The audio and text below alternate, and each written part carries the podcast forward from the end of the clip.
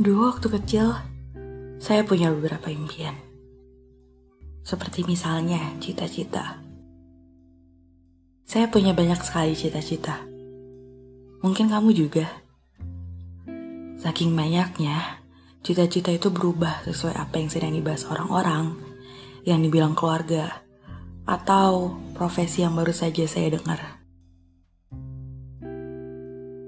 Masa kecil tuh seru. Berani punya mimpi untuk menjadi apa dan siapa saja.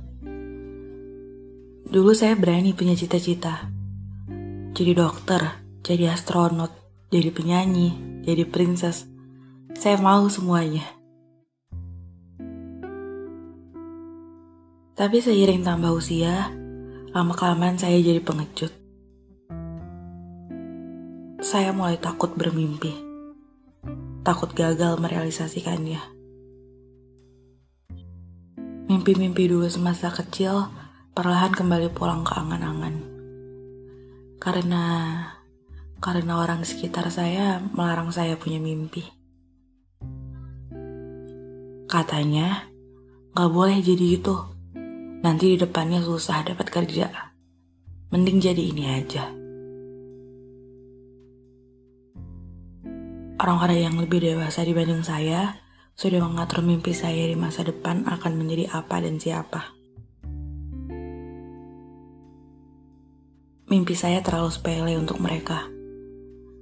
Karena katanya, mereka yang lebih tahu yang terbaik untuk saya.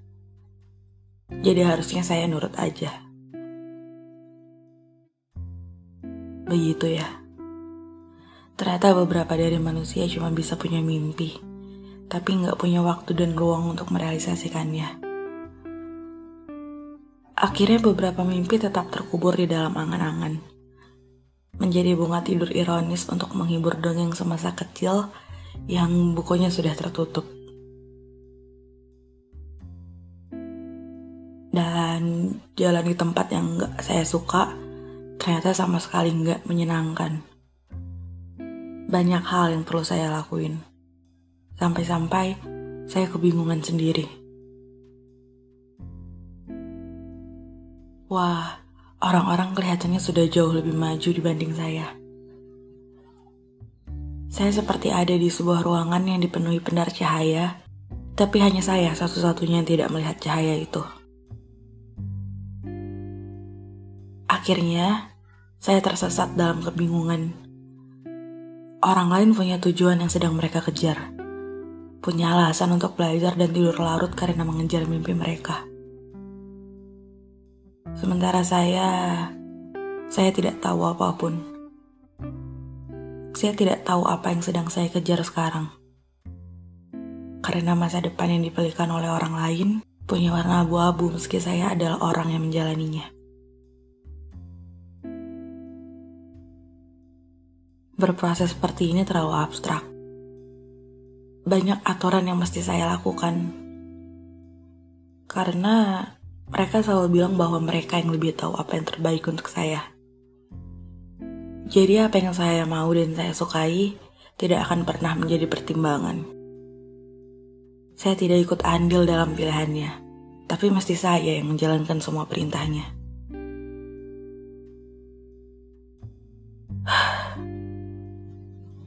Kalau sudah lelah, rasanya mau menyerah berulang kali.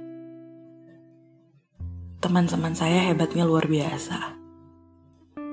Di kuliah, semua orang rasanya berlomba-lomba ikut organisasi atau berbagai kepanitiaan yang kadang bikin saya takjub bagaimana mereka mengatur waktu.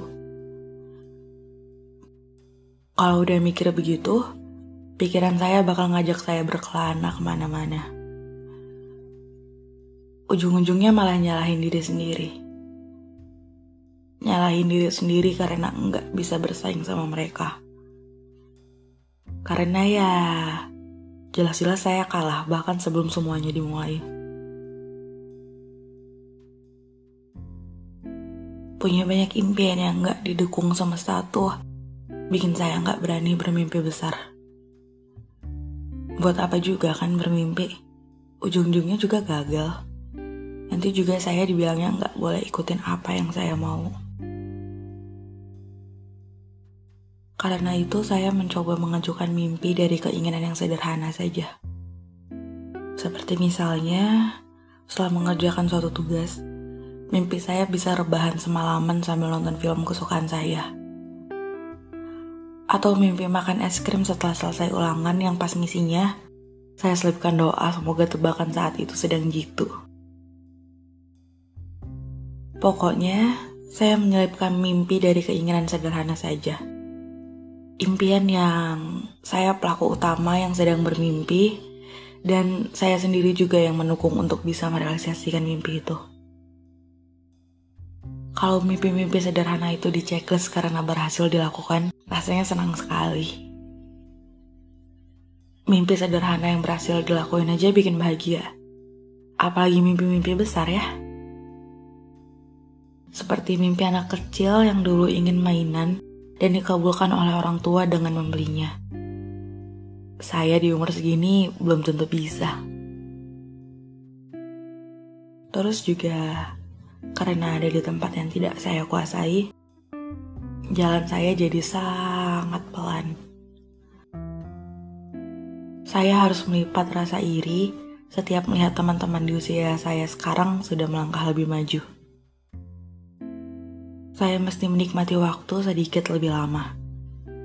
Dan itu nggak apa-apa.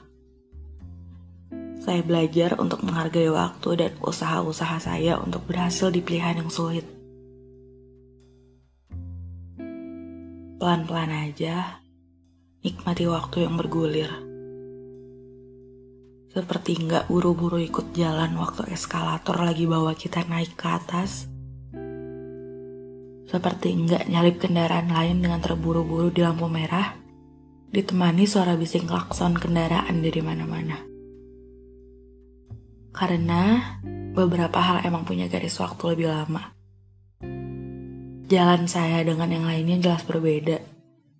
Jadi nggak adil rasanya kalau menyamaratakan langkah kaki saya dengan mereka.